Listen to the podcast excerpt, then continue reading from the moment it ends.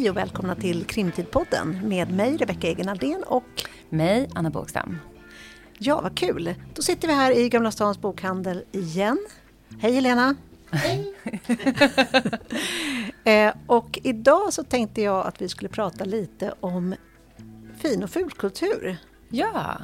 Vad, vad, tänker du när jag säger fin och finkultur? Fin och fulkultur, Anna? Jo, men dels så tänker jag lite på, för att anknyta till det vår tidigare gäst Lotta Olsson tog upp, alltså egentligen att det finns Eh, ja, men som hon nämnde som exempel, liksom hur kulturredaktionen jobbar och att hon höll på med det som var under radarn. Och då var det liksom underhållningslitteratur, eller vad man ska säga. Eh, och eh, dit hör ju spänning, eller vad man ska säga.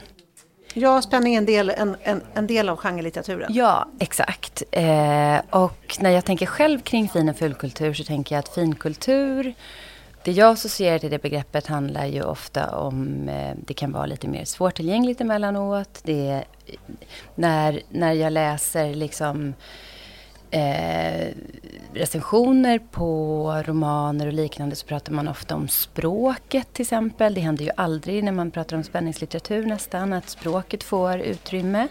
Utan där upplever jag i alla fall att historien ofta är det som står i centrum.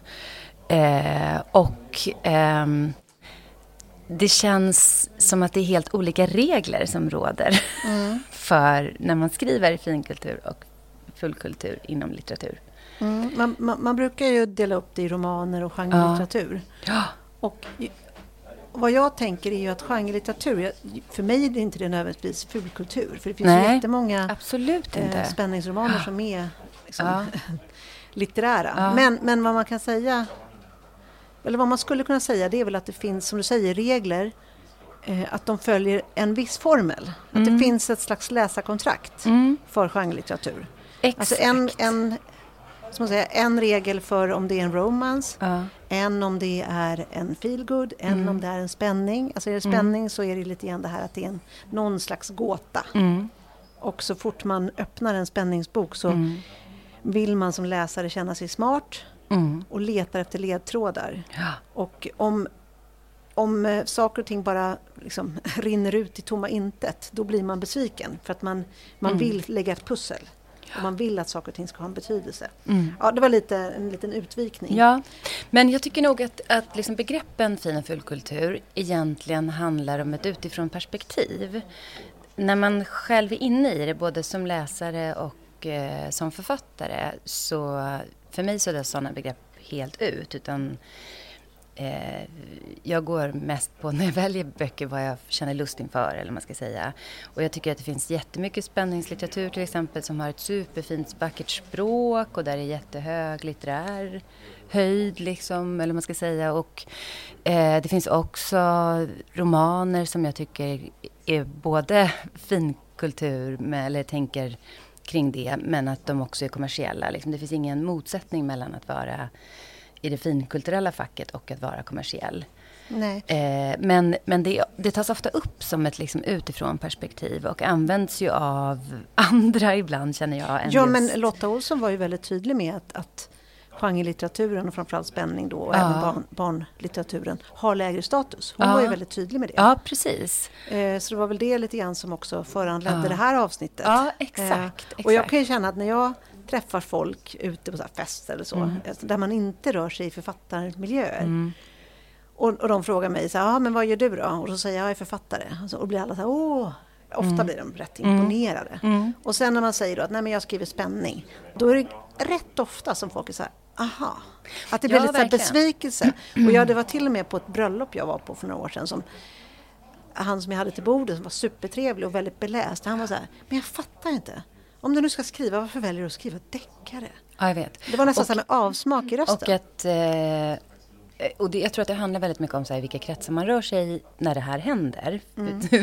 Har du varit med om det här också? Ja, alltså? och ideligen. Och att det finns en uppsjö personer som måste tala om för, för en då när man säger så här, jag skriver deckare. Jaha, jag läser inte deckare. Nej. Och det är ett sätt att profilera sig liksom. Tänk om det var någon som var så här, ehm. jag skriver romaner. Äh, men jag läser inte romaner. det är så himla roligt. Och sen så tänker jag att, att, äh, att säga då, alltså det är så otroligt stor spridning inom spänningsgenren. Så det är så roligt att säga, liksom avfärda en hel genre med ja. lite nedlåtande och säga att jag läser inte deckare. Och Nej. i det ligger typ att det är liksom ja, det är någonting lägre stående. Mm. och då tänker jag bara så här, gud vad mycket man missar då. Ja, jag är nyfiken på, vad svarar du då? Eh, när jag säger bara så här, jaha, och sen så byter jag ämne typ. Men det är väl mest att jag känner så här att jag har inget här, intresse av att höra folk ha en föreläsning som går ut på att de själva ska profilera sig som något högkulturellt. Ja, men är inte det lite så att det är ganska många läsare som profilerar sig som att jag är en fin uh. läsare och då måste, uh. man, måste man lägga till, jag läser inte deckare. Ja, precis. Jag tror det. Men jag tänker att det handlar om att man själv har lite komplex då. ja, men jag tänker liksom, har man, har man då inte ens liksom försökt läsa eh, Åsa Larsson. Ja, exakt. Eller och Stina Kerstin Ekman. Kerstin Ekman som alltså, också man... skriver, som rör sig emellan. Ja, precis. Ja. Eh, ja, men och, och, jag tycker mest för, eh, alltså all respekt för att man har, kan ha väldigt olika smak, men gud vad man missar saker i så fall. Mm. Det är så ja. otroligt mycket som jag tyckte varit så underbara läsupplevelser.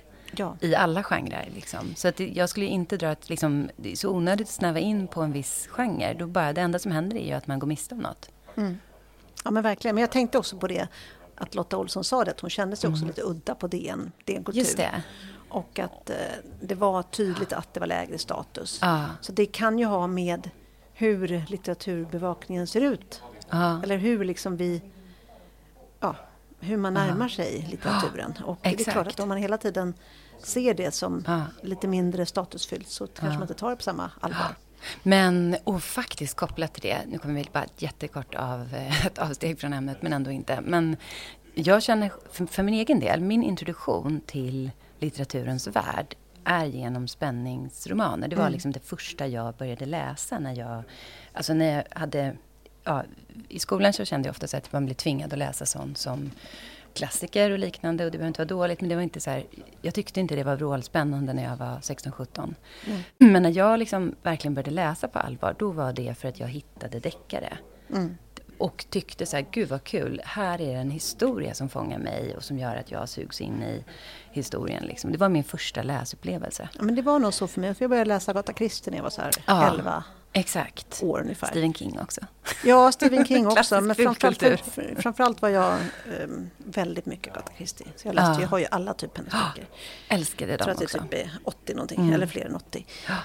Maria eh, Lang också? Ja, ja det, visst. Men det kom, mm. för mig kom det senare. eh, men eh, ja. Men var, var det därför som du började skriva spänning också? Eh, ja, men jag tror det. Jag hade inte nog, alltså, när jag började skriva var det nog inte en uttalad tanke så att det här ska bli spänning. Utan det var mer att det är det som händer för mig när jag börjar skriva. Mm. För att jag tycker om drivet och eh, jag tror att det liksom är ett typ av berättande som jag har i mig. Mm. Jag skulle nog, alltså för det är också intressant när man när folk som är helt, eh, inte alls inne i, i skrivandets värld säger så här, ja varför valde du det? Och då tänker jag så här, men det är inte heller som att man väljer riktigt. Mm. Eh, jag tror inte att jag, en del romaner jag läser som jag tycker är helt fantastiska och blir superimponerad av, jag har inte alls det i mig. Jag, det är inte mitt sätt mm. att berätta en historia. Nej, men jag har nog valt. Mm. Ja, och, det är ju intressant. Jag är ju eller alltså jag läste en fil. kand. i litteraturvetenskap. Ja. Så jag har läst väldigt mycket liksom, ja. klassiker och läst liksom mycket i hela mitt liv.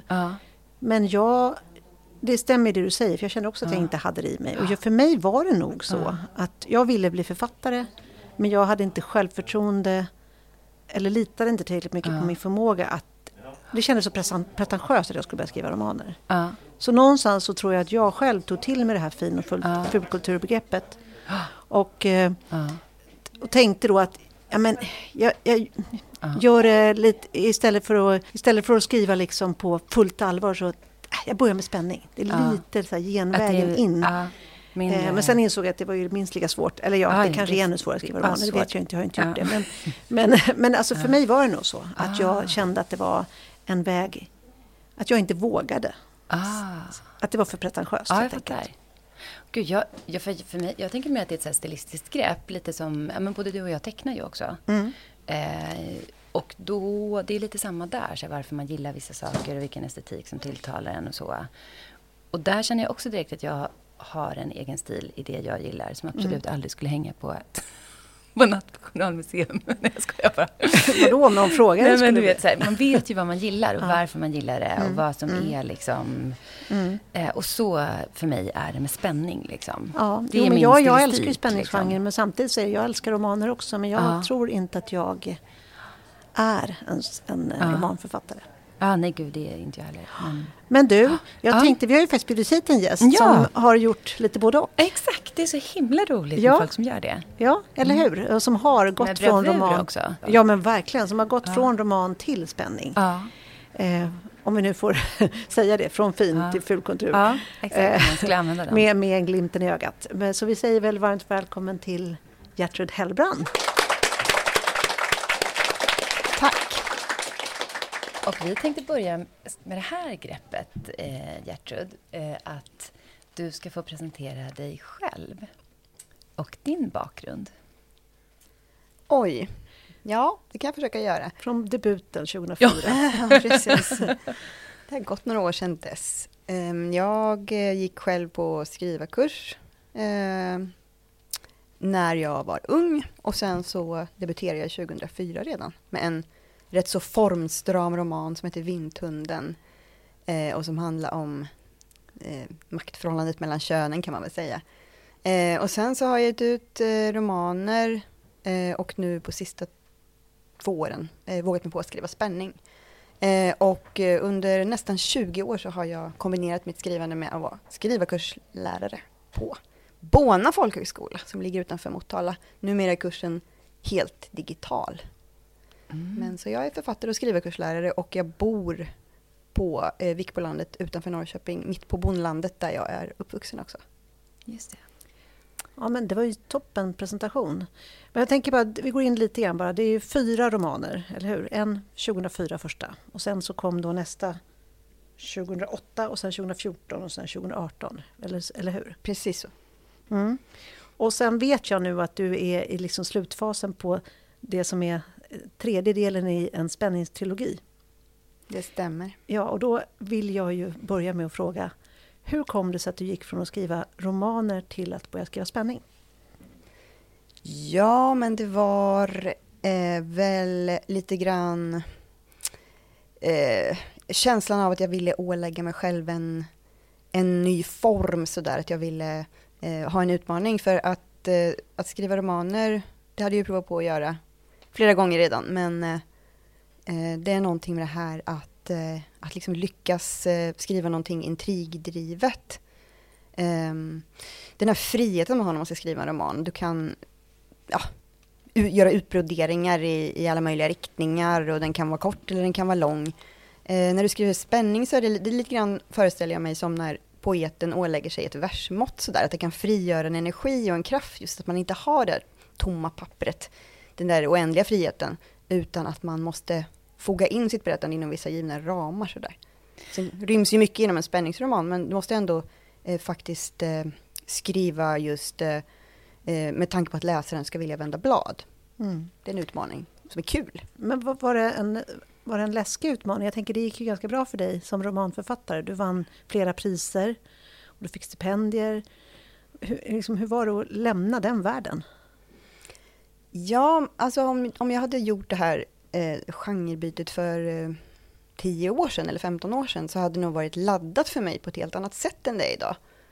Eh, och det är väl det vi ska prata om lite grann idag, just det här med genrer och det har ju förändrats lite anser jag. Mm, eller jag har bara den här känslan av att det inte är klivet är inte lika stort längre som det, som det kunde ha varit. Och jag tror att det beror, min teori är att det beror på um, Netflix-boomen och alla de här fantastiska tv-serierna. För jag kommer ihåg när man började skriva på kultursidorna om Mad Men, den här tv-serien. Mm. Att eh, eh, den liksom, tv-serien tog ett kliv in i finrummet på något vis. Och eh, ehm, det kändes som att det, det, som är mest spännande och nyskapande just nu sker inte inom litteraturen, utan det sker, det sker inom, inom just det här, den här, det här mediet. Då. Eh, och jag tror att det har lyft upp också spänning eh, till att kunna vara någonting, någonting, någonting mer än, än bara underhållning och, och det lättsmälta. Eh, jag tror att eh, tv-serierna har kunnat göra anspråk på att säga någonting om vår tid, om människans villkor och sådär på ett sätt som litteratur, finlitteraturen då, eller vad man ska säga, eh, har haft, kunnat göra tidigare. Så att jag, jag, jag, tycker inte att det känns som att spänning i sig behöver vara någon slags eh, nerköp. Men har du känt att, det, för jag tänker att eh, när man byter genre då så, har det, har det fått liksom andra reaktioner eller har det, är det likadant i båda världarna? Själv känner jag ju bara till eh, spännings och deckarvärlden. Eh, ja, man kan ju aldrig veta vad folk tycker sådär bakom ens rygg, men jag tycker att jag fått mycket reaktioner sådär, eh, likartade reaktioner på det jag har skrivit. Eh, att läsare just fastnar för miljöbeskrivningen, karaktärsskildringen och stämningen i romanerna. Eh, och att de uttrycker sig kring det på ungefär samma sätt som de gjorde kring mina, mina tidigare romaner. Men så kanske också är så att jag har skrivit nästan lite, eh, ja, vad ska man säga, lite spänningsaktigt redan innan i mina romaner. Eh, det har varit ganska mycket maktkamp och passioner och, och, och sådär lite laddade miljöer och relationer i mina tidigare romaner också. Så jag tror att jag har nog inte ändrat mitt skrivsätt så mycket. Där, jag måste bara då, för det är ju en speciell miljö du rör dig i och jag tänker att du skulle bara berätta lite om Dragoner och den här serien, trilogin som du skriver, som du nu mm. håller på att avsluta. Eh, vad är det för miljö vi är i? Jo, eh, min tanke och idé när jag började skriva Östgötasviten som den kallas då, eh, var att skriva spänning eh, som utspelas på landsbygden och eh, kanske har att göra med att jag, att jag själv lever där och eh, att jag inte liksom, bor i Stockholm och åker ut på landet på somrarna utan jag bor verkligen och lever här så att den miljön känns väldigt självklar att skildra sådär och jag kan skildra den också så som jag uppfattar att den är.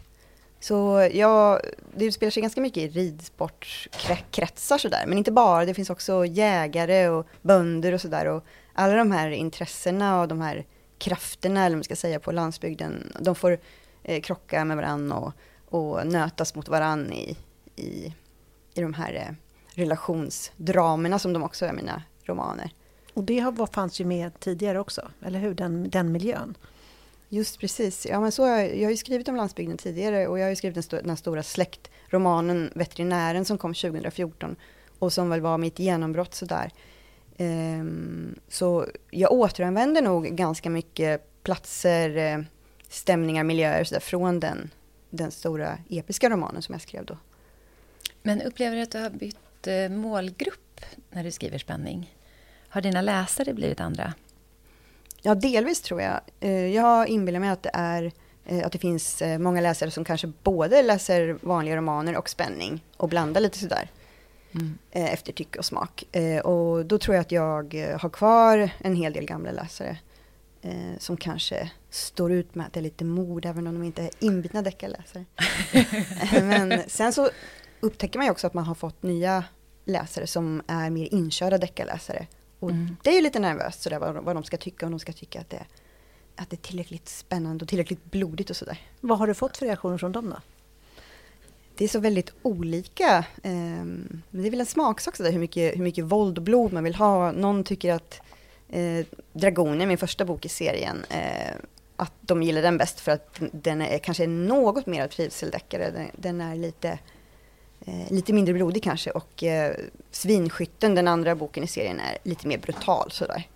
Men så finns det andra läsare som tycker att Aj, ja, det, det går bra med båda två. Så, så det, det, är väldigt olika sådär, vad man vill ha som deckarläsare, har jag uppfattat. Ja, men det jag, tror jag, jag tänker också när man, när man blir deckarförfattare så kliver man ju in i en gemenskap. Eh, jag upplever i alla fall så att, mm. att vi deckarförfattare, vi känner varandra och vi hejar på varandra och vi stöttar varandra och sådär.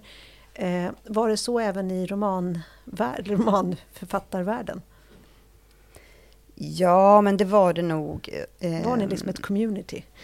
ja, men lite så. Jag, jag är ju som sagt var uppfödd på Biskops-Arne.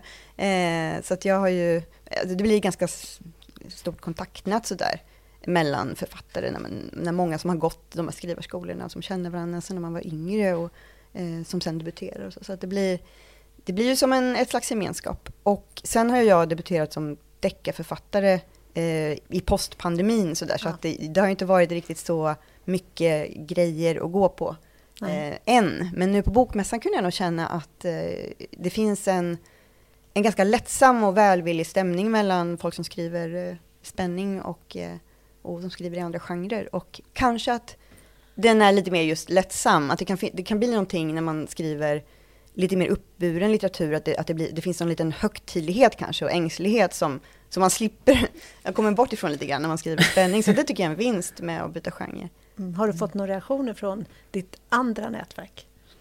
Nej, inga sådana där öppna anklagande reaktioner direkt faktiskt.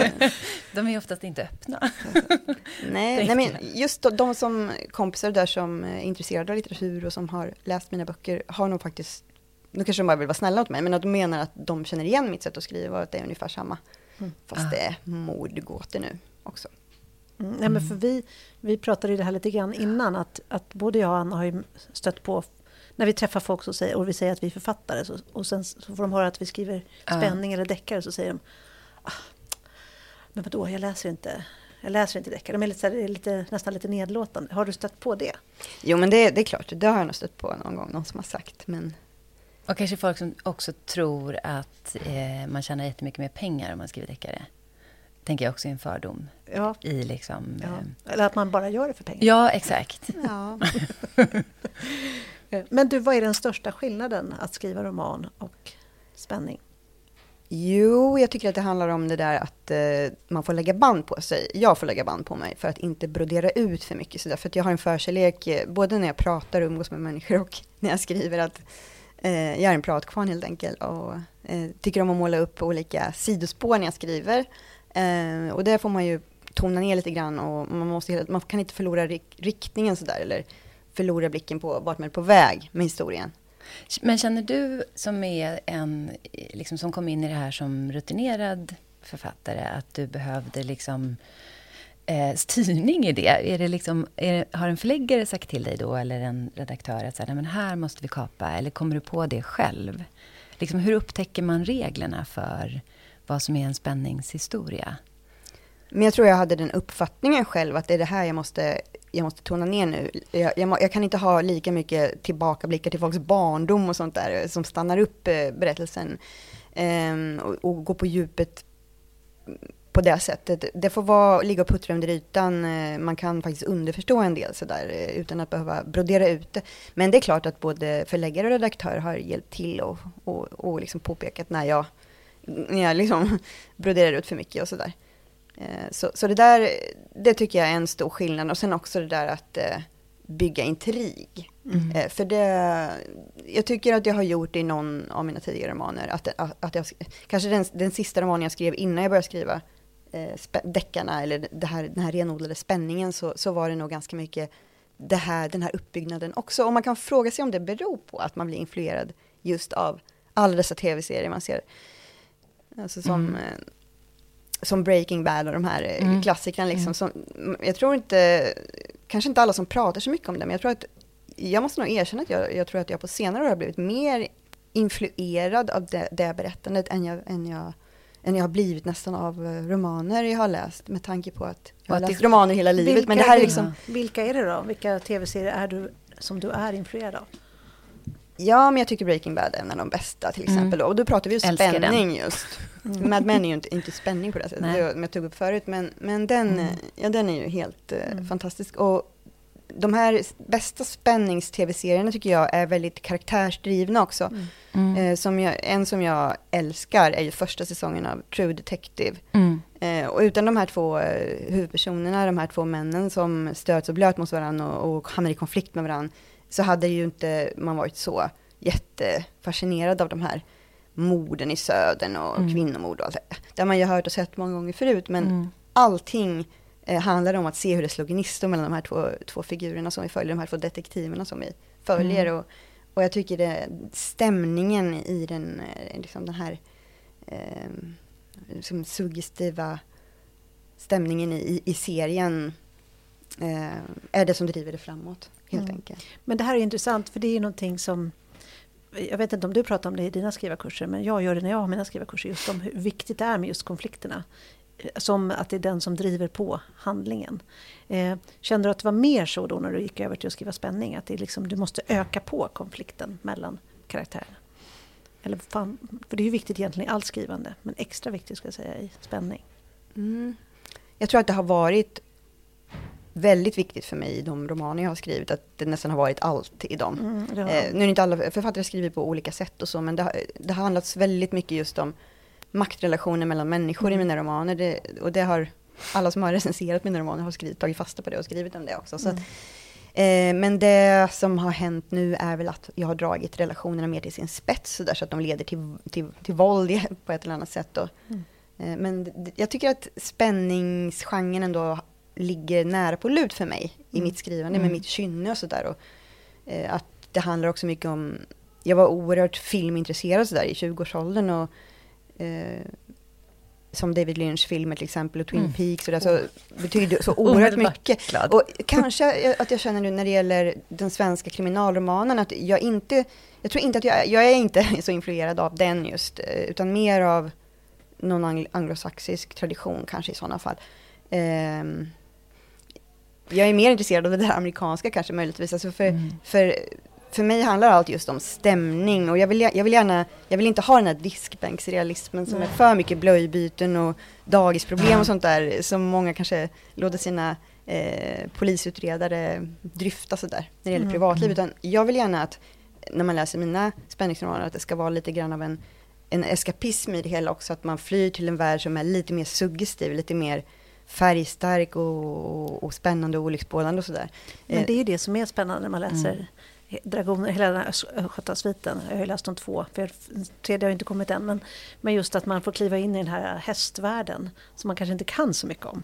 Och att det är ganska excentriska personer som, som man får, får träffa. Ja, nu, skrev, nu skrev min redaktör faktiskt i ett mejl häromdagen bara att det är så härligt att läsa dina romaner för det känns som att de här personerna skulle man kunna träffa på. Det, det vanliga människor. Men det är det ju på sätt och vis. Men en hästkiropraktor eller ja. ett bögpar som är hästutbildare och sådär. Men det de håller på med är ganska, ganska de drivs av kanske lite mörka begär eller något sånt där som mm. kryddar, kryddar det hela. Men hur, hur fick du idén till den här serien? och eh, de romanerna. Var börjar det någonstans? Ja, men alltså faktum är att eh, de här romanerna är lite grann, de här spänningsromanerna är mm. lite grann en spin-off av min släkthistoria, Veterinären. Eh, det är ju en, som sagt var en episk släkthistoria som utspelar sig i Östergötland, i, på landsbygden, i häst, hästkretsar eller vad man ska säga. Men det finns så otroligt mycket material där eftersom jag har levt mitt liv där och Eh, jag har sett så mycket spännande personer där och situationer och eh, miljöer så att det är som en guldgruva att ösa ur. Och, eh, det där, det där bögparet i Dragoner som är hästutbildare och som bor utanför Linköping, de, de står faktiskt och minglar på ett földop i början av Veterinären som jag gav ut 2014 och sen har jag alltså plockat dem och gjort dem lite äldre och, och, och tittat i Dragoner på vad som hände sen. Mm. Men, men, för mig är det nog så ofta att eh, det börjar inte med att jag kommer på en mordkomplott när jag ska skriva de här spänningsromanerna, utan det börjar med att jag, att jag bara måste berätta om de här personerna just och att det finns någon olycksbådande stämning mellan dem, bland dem. Eh, och eh, att platsen också kan trigga igång. Mm. Så det börjar liksom på samma sätt egentligen som när du har skrivit roman? Ja, men det gör, det gör faktiskt det. Jag kan inte sitta och ha ett, ett hårt utarbetat synopsis och sen börja skriva. Utan jag måste, jag måste verkligen bli förälskad, helt upp över öronen förälskad i en stämning, en plats, de här personerna. Och, och jag, jag, jag, kan inte veta från början själv riktigt exakt vad det är som händer mellan dem, eller ska hända, eller har hänt sådär. Mm. Utan jag måste ta reda på det genom att skriva om dem på något sätt. Så personerna och spänningarna mellan dem genererar brottet, tror jag. Jag tror att det går i den ordningen för mig. Att, ja, att mm. Jag känner igen det där väldigt, väldigt mycket. Men hur gör du då, om vi går in på det, för du är ju skrivlärare också. Hur är det? Vad, vad lär du ut till dina elever? Ja, alltså den skrivarkursen jag eh, undervisar på, jag undervisar kanske inte egentligen eh, sådär så att vi har föreläsningar eller någonting, utan det är handledning vi håller på med. Mm. Mm. Därför att det är ofta personer då som har gått eh, kanske skrivarkurser innan. Det är nästan som, ett, som, som en förutsättning. Eh, och sen så har man då valt att börja arbeta med ett manus av något slag. Så att man, har ett, man, man vet vad man vill skriva på för projekt när man börjar mm. kursen. Och sen så blir man handledd. Mm. Så jag läser ju tio sidor åt gången sådär och, mm. och kommer med mina kommentarer. Och självklart så har man då sina käpphästar som man eh, som man liksom, vad är dina käpphästar? Det vill jag höra. Det, för det vill man ju veta. Ja, precis. Det är spännande. Ja, men, som någon grej som jag brukar tjata om, och kanske fr framför allt, för de, de skriver ju allting, mm. alla, alla genrer. Det finns diktsamlingar, novellsamlingar, mm. romaner, spänningsromaner. Eh, Läs, förlåt att jag avbryter, läser de varandras texter ja, också? Ja, precis. Att de är i en grupp så att, mm. på fem personer sådär. Och så lite större grupp när vi kör digital träff sådär. Eh, så de pratar om varandras texter också. Men eh, jag brukar tjata om att man ska ha en björn på stranden. Mm, Va, och vad, vad, betyder det? Berätta om den. Ja, men då är det ju, jag tror att det, det kommer från någon, någon stumfilm där mm. det var ett par som eh, sprang och lekte. Ett förälskat par som sprang omkring i strandbrynet och så klippte eh, filmmakaren då till en scen där en björn lufsar runt på en liknande strand, eller samma mm. strand. Och så klippte han tillbaka till det där kärleksparet. Det är lite spänn direkt ett hot. Ja, det finns direkt ett hot. Så mm. det blir aldrig tråkigt att titta på det där paret när de nojsar runt där ja, obekymrat. För annars hade ju det varit wow.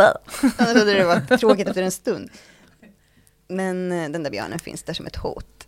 Och det där men, men, förlåt att jag avbryter igen, men är det liksom ett tips för oavsett vad man skriver, om man skriver roman eller om man skriver spänning eller vad det nu är för historia? Ja, det är det som det utmynnar i lite grann tror jag. Därför att det är väl jätteklassiskt när det gäller en deckare att man har en björn på stränderna i form av någon, mm. någon, någon mördad som beskrivs i någon kortare mm.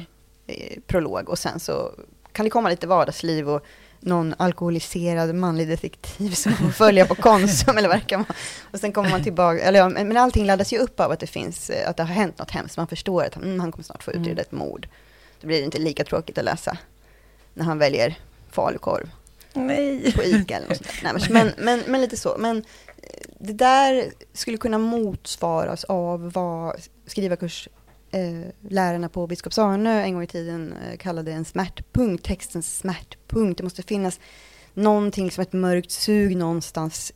Det är ju ett slags björn på stranden eller ett slags hot sådär. det måste finnas någonting, mm. någonting eh, ett så, något sårigt centrum sådär som allting kretsar kring. Som romanen liksom dras emot, även om man inte använder ett linjärt berättande. Mm.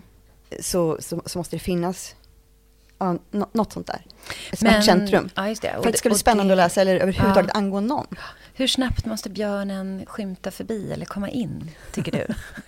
För att prata i metaforer. mm. Precis. Det måste ju vara en, en prolog. Ah. något hemskt. Nej, i början av en spänningsroman. Nej, det måste det ju förstås inte. Men, men eh, det kan ju se ut på en mängd olika sätt. Och, eh, både i spänningsromaner och, och andra romaner. Mm. Eh, och i diktsamlingar. Men, men eh, man måste få, få, få skymt, tror jag, på den där smärtpunkten på ett relativt tidigt stadium ändå. Mm. Eh, för att sugas in. Och smärtpunkten, ni pratade lite grann om humor och det här i, i den förra poddavsnittet. Mm. Eh, att det inte är så mycket humor i svenska romaner och så. Men, Håller du med om det? Eh, ja, alltså jag har ju faktiskt börjat eh, lyssna lite, på, lite mer på svenska kriminalromaner för att jag vill se hur folk gör och tycker det är intressant och mm. det kan vara spännande. Eh, men då tänker jag att den där smärtpunkten eller eller eh, Björnen på stranden, att det kan ju också utgöras av ett tonfall. För så tycker jag det när jag läser. Det finns ju ett par sådana där samtida författare som jag aldrig skulle missa en bok av. Och det är Michelle Houellebecq till exempel och mm. den där irländska Sally Rooney. Mm. Men där handlar det, smärtpunkterna finns väl hos dem också, men det handlar väldigt mycket om att de har ett tonfall, en blick mm. på världen, mm. ett slags skoningslöst mm. seende på, på samtiden som, som i sig utgör ja, mm. smärtpunkten eller drivkraften, textens motor kanske. Mm. Att jag vill, den där personen kan berätta om precis vad som helst. Det kommer finnas en betydelse i vad den berättar för att för att den här blicken är som en, eh, en röntgenblick liksom på samtiden. Den mm. utlämnar ingenting och, och skonar absolut aldrig sig själv. Mm. Så det kan också vara, vara den där liksom motorn. Men, men en björn på stranden, en smärtpunkt, ett tonfall, en motor måste finnas. Det är nog min käpphäst som skrivarkurslärare. Det, det är väldigt spännande. Jag, jag, jag, pratade faktiskt med en manusförfattare bara häromdagen. Och eh, vi diskuterade just det, vad, är liksom, vad måste finnas? Och hon sa det så himla bra, för hon sa att eh, det, de måste ur sin bekvämlighetszon. Mm. För att det ska bli, för, för att då blir det också en utveckling. Vi pratar om karaktärsdrivet och för att det ska mm. kunna bli karaktärsdrivet så måste ju karaktärerna utvecklas på något sätt. Och eh, man utvecklas ju inte om man stannar i sin trygga sfär. Så man måste någonstans utanför den. Och det är egentligen det som all dramaturgi handlar om. Ungefär så. Vad tror du om det? Jag tror det, Vi testar det här nu. Det ligger mycket i det tror jag. Mm. Och också eh, när det gäller enskilda karaktärer så, så, så, så, handlar det väl mycket om att de inte får vara för enemotionellt förväntade bara sådär. Utan att man gärna får lägga till någon oväntad egenskap för att Men skapa djupet. Vad, vad är, du som har då haft många elever, vad är, liksom, vad, vad, är den största... Finns det någon gemensam svårighet? Eller finns det någonting som alla som kommer till dig har liksom mer eller mindre problem med när man ska börja skriva? Som du kan se? Ja, alltså... Det, det kan nog variera såklart. Det finns så många olika kynnen. Eh, men jag tycker att det brukar vara... Det brukar vara eh, finnas någon slags där tröskel som man måste häva sig över. Det gäller mig och mm. dig och, ja. och eh, alla som finns går på skrivarkurs också. många trösklar. Jo, absolut. Men just den där tröskeln eh, när man har kommit, när man har skrivit på den där för, eh, i den där förälskelsefasen, när man har varit mm. så blixtkär i sina figurer, i sin plats, i sin historia, sin idé. Mm. Idén var så bra. Och sen kommer man till sidan 80 eller det här beror lite på ja. sådär, om man är en sån som vräker ur sig sidor eller om man 94, är stramare. 94. Det kan vara från sidan, precis, det kan vara sidan 25 kanske, eller 50 ja. eller 80. Eller så är det sidan 150. Men någonstans i mitten på berättelsen? Där, när man börjar, när man hamnar mm. vid, vid den där punkten när du börjar, måste börja ta ansvar för de dåliga valen du har gjort. Du har målat in det i ett hörn. Hur mm. sjutton ska du ta berättelsen vidare? Mm. Och går man på skrivarkurs och inte har ett förlag som tjatar på en att de vill ha in manuset, mm. då är det väldigt lätt att bara lägga manuset Exakt. i byrålådan. Ja. Där är ett tillfälle. Precis. så att säga. Mm. Vad är bästa tipset för att komma ur det, tycker du? Själv till exempel sitter jag fast här just nu. Mm. tänkte att du kanske har något handfast att komma med. Liksom, hur gör man då eh, för att ta sig över den pucken? För det kan verkligen vara en väldigt tung puckel att hamna på. Eller ja, platå. Det kan ofta vara så att någon deltagare på skrivarkursen plötsligt får soppatorrt där och mm. står över en inlämning. Och det kan ju vara lite illavarslande sådär. Mm. Eh, men, men jag kan tycka ett bra sätt, om man inte har skrivit klart hela manuset och inte... Man, man har kanske ofta en föreställning mm. om no, vad som ska hända trots mm. allt. Mm. Då tycker jag man ska ge sig själv en present, ge sig själv tillåtelse att bara hoppa fram och skriva den mest saftiga, spännande, härliga scenen man hade tänkt skriva. Att inte alls bara skriva allting kronologiskt, mm. utan att bara hoppa oh, fram till det här tipset den här jag. underbara liksom, uppgörelsen, eller mm. när de äntligen ska få kyssa varandra, eller när den, ja. den där personen äntligen ska ta sig livet av på något blodigt sätt, eller ja. vad det nu kan vara som hetsar upp just dig. Sådär. Ja, just det. det. Kanske egentligen, ibland kan det ju vara det man är mest sugen på, och kanske har varit, om man, det är ju olika hur man jobbar, men om man jobbar då med att man har en idé kring handlingen från början, men att det som har inspirerat en kanske kring själva vad boken ska handla om har varit ett mord eller en situation eller en scen man har fått i huvudet. Att man då liksom griper tag i den istället. För den kan ju ligga någonstans längre in i manuset. Precis. Det är presenten. Man får gå på, man får gå på dejt med sitt eget manus och ja. Eh, suga ut, eller plocka russinen ur kakan lite grann. Nej, men, bra för då kan du få den där nytändningen, ja. tänker jag. Att då kan du få tillbaka den där gnistan, det som gjorde att du från början ja. valde den här idén. Och... Man får gå hem och gå på dejt helt enkelt med ja. det gamla sura äktenskapet. Då kanske du får tillbaka den där, den där, tonen och kommer in i skrivandet ja. och då kan du skriva dem lite tråkigare scener ja. efteråt sen. När mm. du har fått det tillbaka. Det var jag, faktiskt, jag tyckte det var ett jättebra tips. Ja, det är jättebra tips, mm. verkligen. Mm. Jag tänker också på, för du har ju ett fantastiskt fint språk och eh, mm. det, det har du ju fått beröm för eh, också tidigare. Får det igen nu. Du får det nu. Ja, men den, det, det, är ju otroligt välskrivet. Mm. Och eh, jag tänker, hur gör man för att inte det ska bli platt? Alltså hur mm. gör du för att variera dig? Har du några konkreta tips? För att det inte ska bli platt. Men, men handlar det inte om just det där med den här gnistan och den här förälskelsen att man kanske kan komma på sig själv med att börja skriva lite tråkigt. Och ja. ha lite tråkigt mm. när man skriver. Ja, exakt. Och då kanske inte man ska skriva det där. Du kanske inte ska följa med huvudpersonen till vårdcentralen. Nej. Och nej, nu får jag nej, stryka en scen. Nej, men jag håller med dig. För det var någon, någon som jag pratade med som sa just det. Att uh. om du börjar få tråkigt, då kommer förmodligen läsaren också få tråkigt. Mm. Och att man behöver inte vara med hela tiden. Du kan ju faktiskt hoppa fram. Mm. Men, ja. eller, eller vara Gud i sin historia ja. och ändra så att det faktiskt blir lite mer spännande. Och sen så tänker jag att man kan spara Eh, för ibland, liksom apropå läsarkontrakt och att skriva spänning, vissa saker finns det liksom, ibland känner jag en förväntan kring att man ska få vara i, i en spänningsroman. Eh, så man kan liksom inte hoppa över man kan inte hoppa över mordet. eller, inte, eller ja, det kanske man, man behöver inte götta ner i det, men man måste, det är ändå...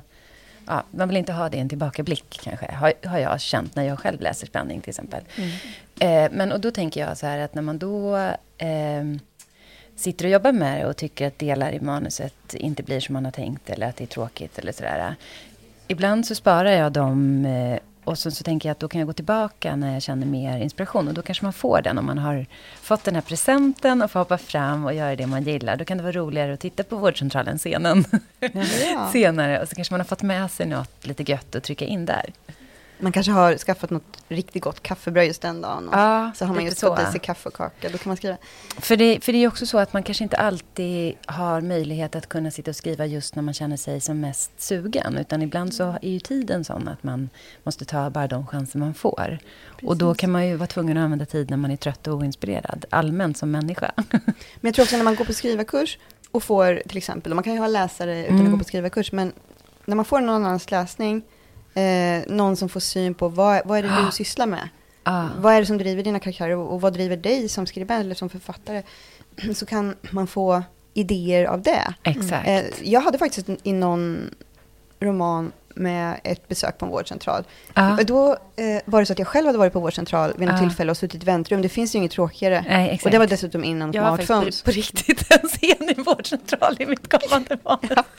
ja. Det kommer bli en boom med vårdcentralscener mm. i svenska Du förstår. eh, nej, men då, då hade jag suttit och då hade man inga smartphones på den tiden. Mm. Och då, då satt jag och tittade på en tavla som hängde på väggen. Mm, det var de så avskalat. alltid likadana ut också, de tavlorna. Men det var något med den där tavlan. Den var så enformig att det fick en betydelse. Och sen så tog jag med det i min vårdcentralscen, mm. den där mm. tavlan från verkligheten. Men den tavlan liksom kom att återspegla huvudpersonens sinnesstämning och den plats mm. som befann sig på i livet. Så att, menar, du kan skriva in någonting spännande, mm. någonting, någonting betydelsefullt i den tråkigaste av scener. Det kan vara mm. någons sätt att gå eller vad som helst. Ja, och så får det vara liksom vägledande eller på något sätt sätta tonen eller stämningen. Det kan ju bli en betydelsefull scen fast det var på en vårdcentral. Ja. För att du hittade någon detalj att zooma in på som faktiskt mm. satte stämningen. Jag, eh, jag, jag kunde inte låta bli att se att du stod och tittade på en bok där borta. Som eh, du berättade att det var en av dina elever. Ja. Ja, det måste, jag tänker att vi, vi måste få med det i, i podden här. Ja, vilken för det var, var det? fantastiskt. Alltså det är ju helt underbart faktiskt. Eh, för att eh, det kan vara så här, jag har två bra exempel på det här. Eh, att de, de skriver på ett manus på, på skrivarkursen och sen debuterar de med något helt annat. Va? Några år senare. Jo, men det har jag varit med om också. Men som andra bok kommer plötsligt, den där som du var med och läste för sju år sedan. Mm. Och det händer nu faktiskt med Lina Nordqvist. Eh, hon, blev ju, hon fick ju just ja. Eh, utmärkelsen Årets bok för ja. Dit du går följer jag. Och den ja. historiska skildringen hade hon ju inte skrivit när hon gick på min skrivarkurs för många år sedan. Men eh, det som kommer ut nu i höst som hennes andra bok, Aha. det skrev hon på, eh, på, på Textlabbet som är min kurs.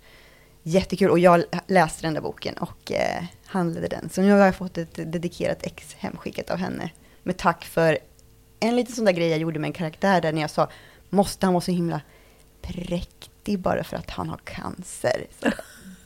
Men åh, det var ju en jättefin historia också. Men jag måste bara då, med karaktären nu när du nämnde det. Måste de vara präktiga eller hur fula får de vara? Tänker jag.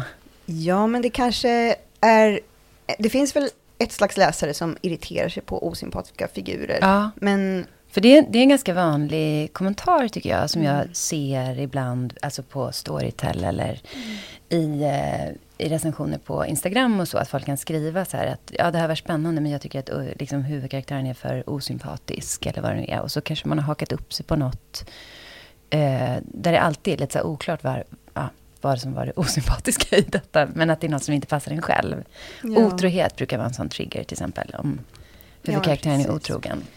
Nej men om man börjar försöka tillfredsställa den typen av läsare så tror jag inte att det blir någonting Nej. bra alls, utan det blir bara mellanmjölk av allt. Ja. Eh, själv är jag mycket förtjust i osympatiska karaktärer, ja, både på Netflix-serier och i böcker. Ja. Men, jag, men jag, det var också någonstans jag läste det att, att, att det här med eh, vad, heter, vad det heter någonting också, typ att låt dem klappa hunden eller ta hand om någon, någon övergiven kattunge. Att de, att de måste ha någon slags, eh, vad ska man säga, förmildrande egenskap, att det finns någonting gott i dem. Mm. om de är rakt igenom onda så är det svårt att ta till sig dem. Det måste ja. finnas någonting. Liksom. Det kan vara en guldfisk då? Ja, det kan vara så att de ändå sådär... Ja, men tänk mm. dig en sån här, hit, eller vad säger, en sån här James Bond skurk som sitter och klappar mm. sin katt. Liksom. Då, blir, mm. då blir det genast lite mer intressant att han faktiskt är snäll mot katten. Ja, typ lite Leon ja. som har Men jag, jag vill bara tillbaka, för jag tänkte på Lina här nu. Eh, eftersom jag själv är skrivlärare och eh, jag har ju några stycken nu som har kommit ut med sina böcker. Och jag vill bara veta, för jag, alltså jag vet ju att det är deras verk och det är deras, det är deras bedrift och jag är bara så otroligt stolt och tacksam över att jag fått vara med på den resan. Men hur känns det för dig när, de, när du ser dina gamla elever lyckas? Nej men det, det, är så väldigt roligt. Det är ju, jag måste bara nämna, eftersom jag sa det förut, ja, att det var två exempel. Det, det, var två exempel. Det var nämligen, det är, det är så lustigt att, att det blir så där att till slut kommer det där manuset som man satt och läste för så många år sedan. Och det är Negar Nasser som kommer ut nu kommer äntligen hennes Iranskildring som jag läste för så många år sedan. Mm. Och jag har tänkt genom åren, för hon har gett ut så många romaner nu, eller några stycken är det ju. Jag tänkte, när kommer den här Iranskildringen som jag läste? Den mm. måste ju komma ut, när kommer den? Nu har jag gjort författarbesök på kursen och då har jag frågat om det där också, men nu äntligen. Eh, och i en väldigt passande tid också, med mm. tanke på vad som sker idag. Mm. Eh, jätte... Det är magiskt tycker jag. Ja. Tycker inte du det? Jo, men jag tycker det. Det var därför jag kände så att, att du har varit med om det också. Att det är, man, man har ju det är deras bedrift, men man har ändå varit lite sådär, ja vad vet jag, lite dola eller barnmorska på något sätt lite med på sidan. Ja, men precis så du, var in, du nämnde lite med vad du inspireras av. Du pratade om, mm. om, eh, om tv-serier, men vilka böcker, vilka författare läser du och inspireras av? Ja, det kanske låter lite... Jag vet inte. Ja, det, är väl, det är mycket, har varit mycket klassiker. De, de böcker som verkligen har inspirerat mig till att skriva de böcker jag själv har skrivit, det har ofta varit klassiker.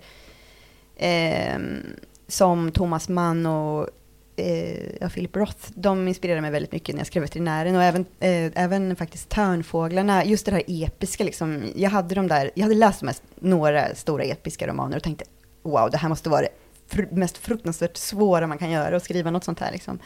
Var det det då? Men jag var på en plats i livet sådär nybliven, jag var småbarnsförälder och jag började se på mina egna föräldrar som människor då i och med att jag själv var förälder plötsligt. Och, eh, och titta tillbaka liksom, på hela släkt, min egen släkthistoria och allt sånt där. Mm. Och, Eh, dessutom hade jag skrivit ett par böcker då, så tänkte jag nu kanske jag är duktig nog att kunna försöka göra något sånt här. Det var ju jättesvårt, det tog fem år för jag hade ju två blöjbarn samtidigt och sådär.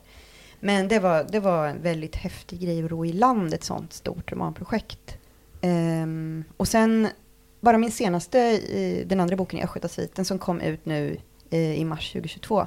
Mm. Eh, där hade jag läst Lady Chatterleys Älskare. Och där finns det en, eh, en sån här eh, ehm, ja, en eh, jä jägmästare som bor ute i en stuga i skogen nära egendomen. Ja, och sen den här överklasskvinnan ja. som, som går, går till hans mm. stuga mm. och tar honom till älskare.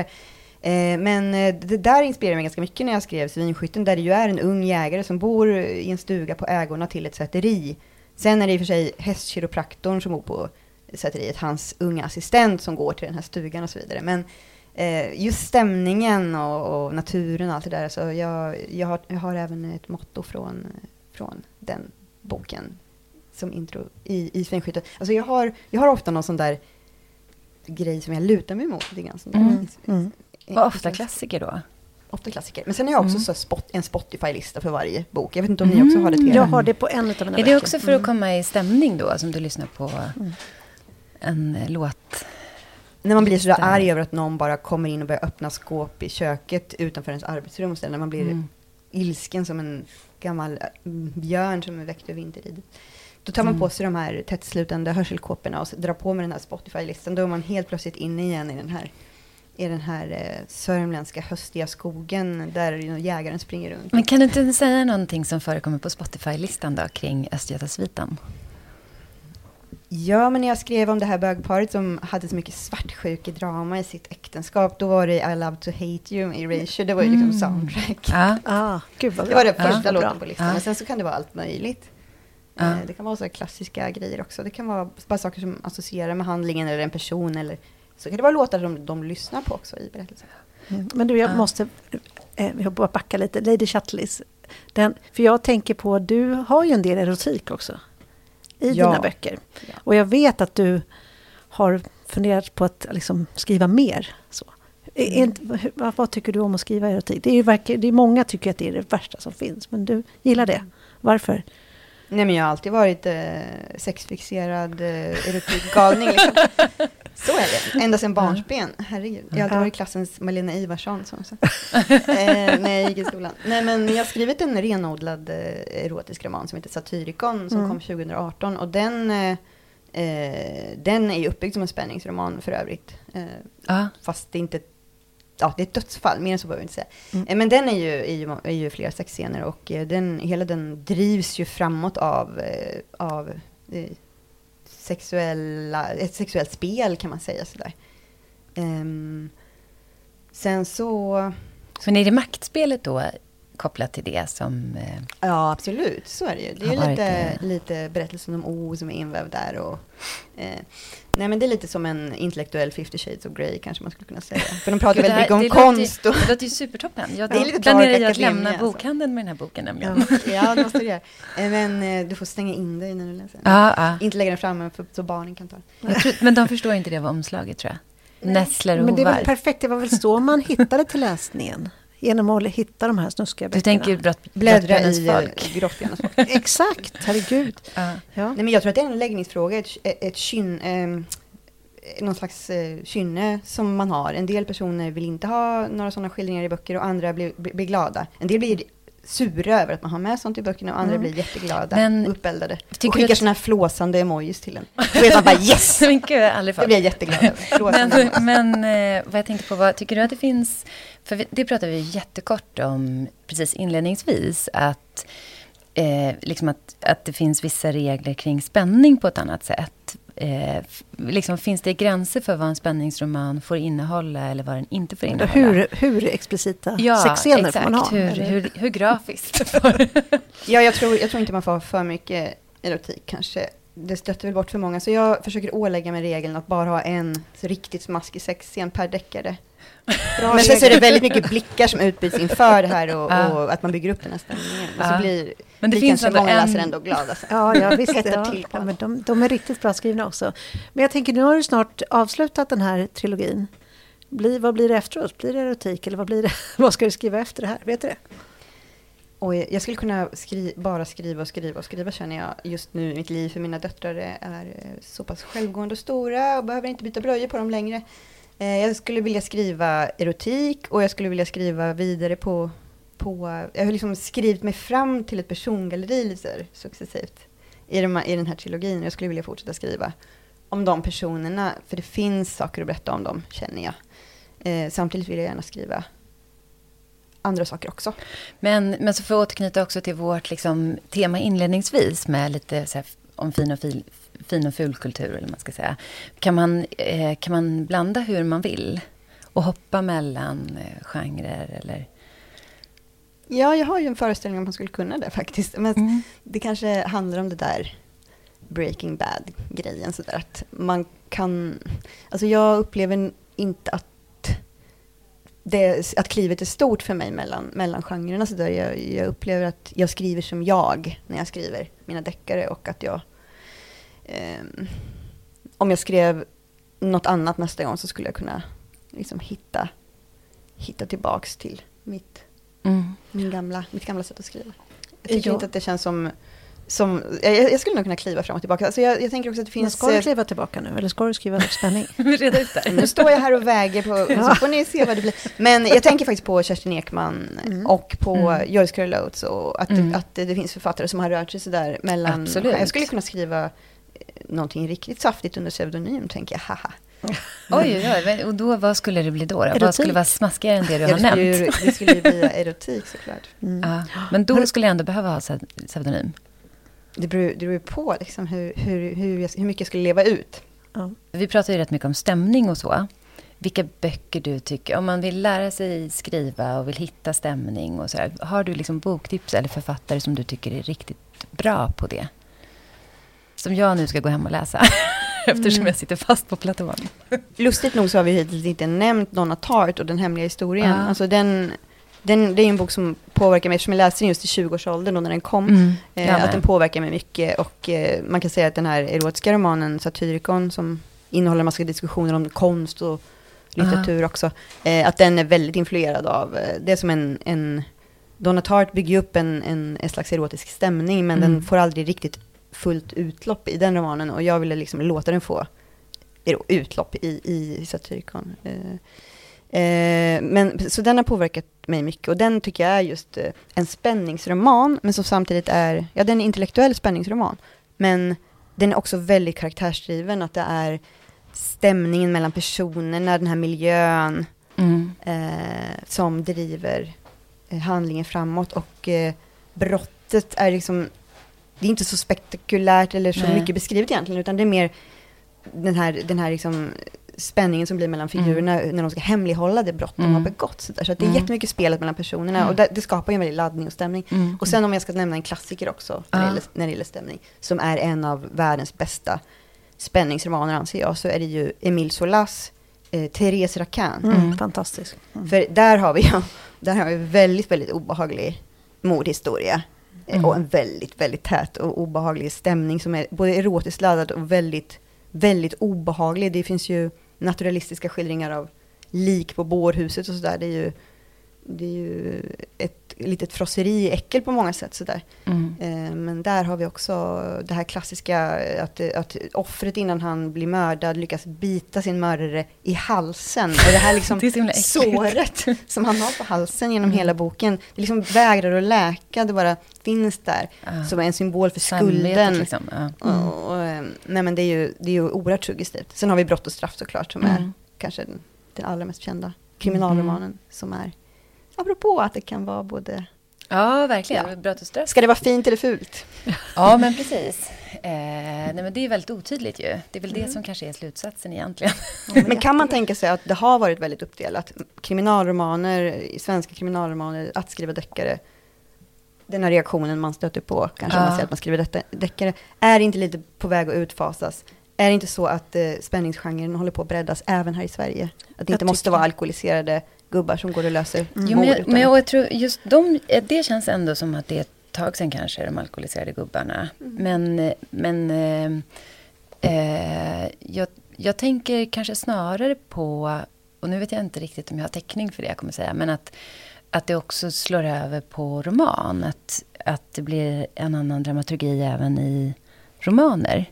Men det kanske är, det är nu utgående från de romaner jag har läst på senare tid. Liksom, att jag tycker att man lånar mycket av spänningsberättandet. Ja, som, jo, mycket jag, alltså jag tror det verkligen. Men har det inte varit så mer i, i, den, i, i amerikanska romaner? Jo, det har det nog. Och att litteraturvärlden, mm. att det har, har, varit så rätt länge. Att ja. Det är svårt att skilja på spänn, vanlig roman och ja. spänningsroman, utan att det flyter ihop. Och hoppas att det kan bli mer så i Sverige, för det är ju ja, jätteroligt. Jag Dennis Leiheim, vad heter man, säger man? Ja. Han är ju sån roman som ja, verkligen. också. Och jag mm. tänker som, eh, om man ska nämna någon eh, svensk bara som jag kommer att tänka på nu till exempel, som Moa Herngren.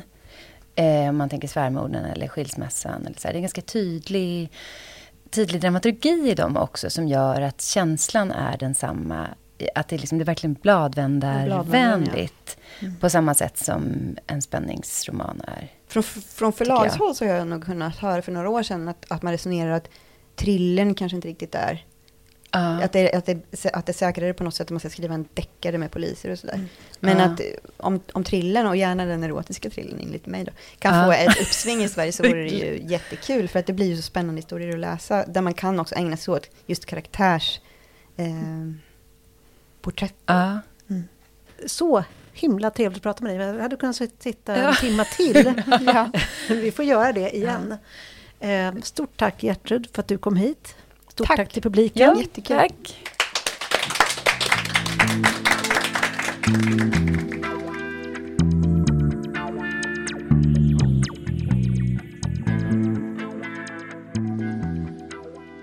Men det var ju superspännande här att höra Gertrud Hellbrand prata både om finkultur och fulkultur och även hur det är att vara skrivkurslärare. Och roligt att hon har så framgångsrika kursare också, fick vi höra. Eh, och då är jag lite nyfiken, för då råkade det ju sitta en av mina elever i publiken, Emelie Mårtensson, som nu är eh, antagen utav Forum, eh, som ska debutera nästa år och har gått några terminer för mig, men också gått andra skrivarkurser. Så jag är lite nyfiken, Emelie, hur har skrivarkurserna påverkat dig? Alltså det var där jag började skriva så det har påverkat jättemycket. Uh, sen har det blivit verkligen som en katalysator att fortsätta, att, att få nya idéer, att komma igång, att komma i ett sammanhang där man kan prata om skrivandet för det blir väldigt ensamt eh, att sitta själv. Att liksom vädra hela tiden, funkar det jag håller på med med de andra och, och också diskutera deras manus tycker jag är jätteroligt och det eh, gör ju att genom att se på deras manus så ser jag ju på mitt eget med nya ögon väldigt kritiska, vilket passar mig väldigt bra tror jag. Um, så jag vet inte när jag ska sluta gå på skrivarkurser egentligen. Det har ju hållit på ett tag men, eh, men nu kanske jag är på sluttampen, känner jag.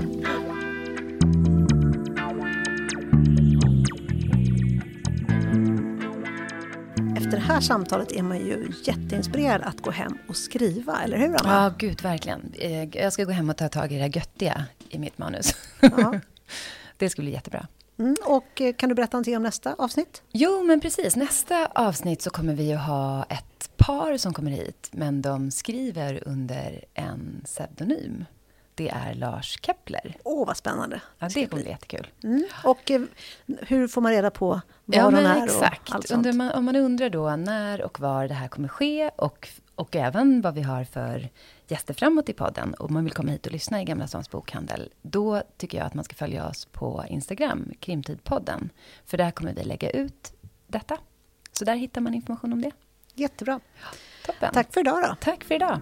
Hej då. Hej då.